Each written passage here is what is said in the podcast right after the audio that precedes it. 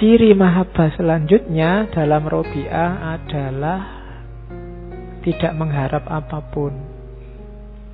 Hanya menerima saja, tidak usah minta-minta. Satu ketika dia sakit.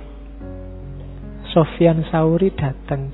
Eh Robi'ah, kamu itu kan dekat sama Allah. Ya mbok berdoa biar sembuh. Terus Robi'ah bilang, sakit ini dari siapa? Ya dari Allah. Berarti kan Allah menginginkan aku sakit. Kalau aku dapat sesuatu dari yang aku cintai, ya aku nikmati no. Nah, itu Robi'ah.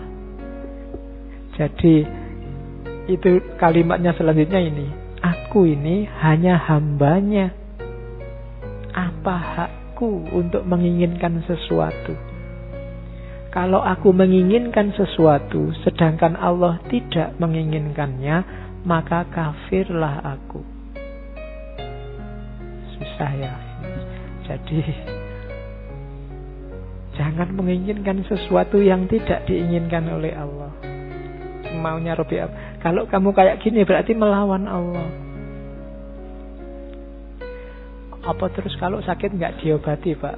Ya diobati tapi tetap dengan logika kalau Allah yang ngasih sakit, Allah yang ngasih kesembuhan. Tidak harus kamu marah-marah sama Allah. Kenapa saya dikasih sakit? Tidak usah. Tidak ada mengeluhnya. Tidak, ada, tidak harus protes, tidak harus komplain. Diterima saja. Ini orang jatuh cinta. Kayak kamu sama pacarmu waktu ulang tahun tiba-tiba kamu disiram sama telur. Ya kan? Kamu kan nggak komplain. Kenapa? Kamu cinta.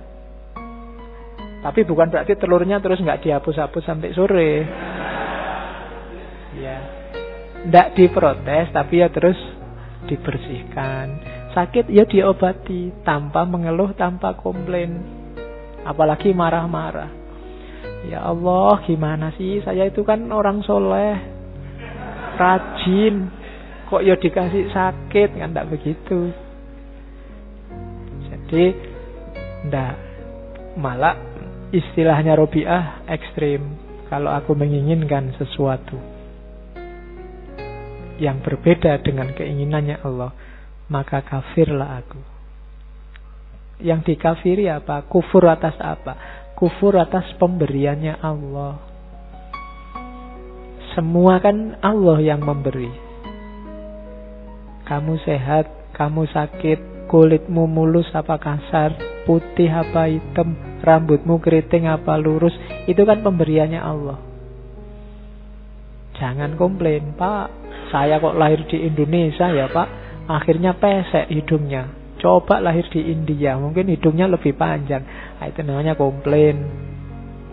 Allah sudah mengendaki itu ya sudah. Kan kamu sering mengeluh gitu. Coba kemarin saya anaknya Jokowi, Pak. Nah, kamu protes. Tidak. Allah sudah menginginkan itu ya sudah. Diterima saja, disyukuri. Kalau ndak, karena lawannya syukur itu kan kufur. Kalau kamu ndak terima itu namanya kufur. Kenyataannya memang sudah begitu. Mau gimana? Kamu jago siapa yang jadi kok malah siapa? Ya sudah, berarti Allah menghendaki itu. Ya bukan berarti terus kalau kamu tidak setuju diam saja. Ya kayak sakit tadi loh. Ya diobati, tapi tanpa harus komplain, tanpa harus protes. Yang paling bagus apa? Engkau harus menginginkan segala sesuatu yang diinginkannya. Sesuatu agar engkau menjadi hambanya yang sejati. Semata-mata agar engkau menjadi hambanya yang sejati. Namun tidak masalah jika memang dia memberikannya berobat kok masih tidak sembuh? Ya sudah. Karena yang memberikan kesembuhan juga Allah sebagaimana Allah memberikan sakit.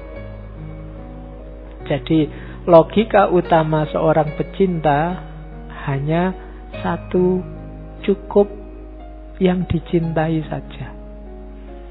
Kalau cinta pada Allah berarti ya cukup Allah saja. Tidak masalah.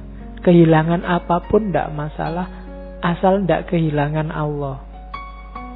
Jadi ada musibah, ada kemalangan apa pun dalam hidupmu, terimalah satu yang kamu jangan sampai hilang Allahnya. Kehilangan segalanya tidak masalah, asal jangan kehilangan Allah. Kehilangan hak pilih, kehilangan suara, kehilangan apa pun tidak masalah, asal jangan kehilangan Allah. Sekarang banyak yang kebalik, kehilangan Allah ndak apa-apa asal jabatannya ndak hilang, asal pangkatnya ndak hilang, asal kekayaannya ndak hilang. Sekarang dibalik atau Allah dimanfaatkan demi kekayaan, demi jabatan, demi pangkat. Itu kondisi kita hari ini. Padahal kalau kita mencukupkan diri dengan pemberiannya Allah, sebaliknya nanti Allah juga akan mencukupkan hidup kita. Mencukupkan itu bukan berarti terus kamu jadi kaya, tapi apa kondisi batinmu, lingkungan sekelilingmu itu membuatmu merasa nyaman pas.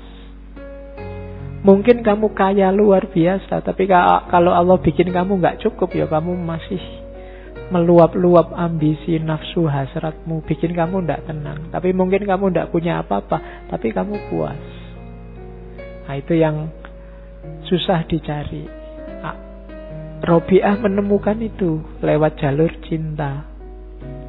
Dan menurut Robiah dunia ini awal dan akhirnya akan ke situ. Selama kita belum menapaki jalur itu kita tidak akan ketemu puncaknya nikmatnya hidup nikmatnya hidup ada di situ.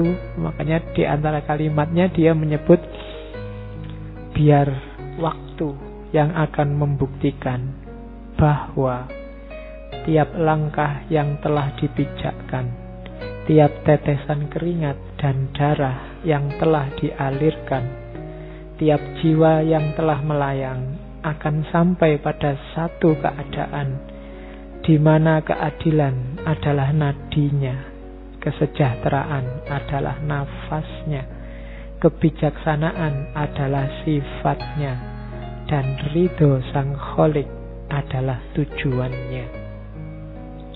Semua ini terwujud, jalurnya adalah mahabbah.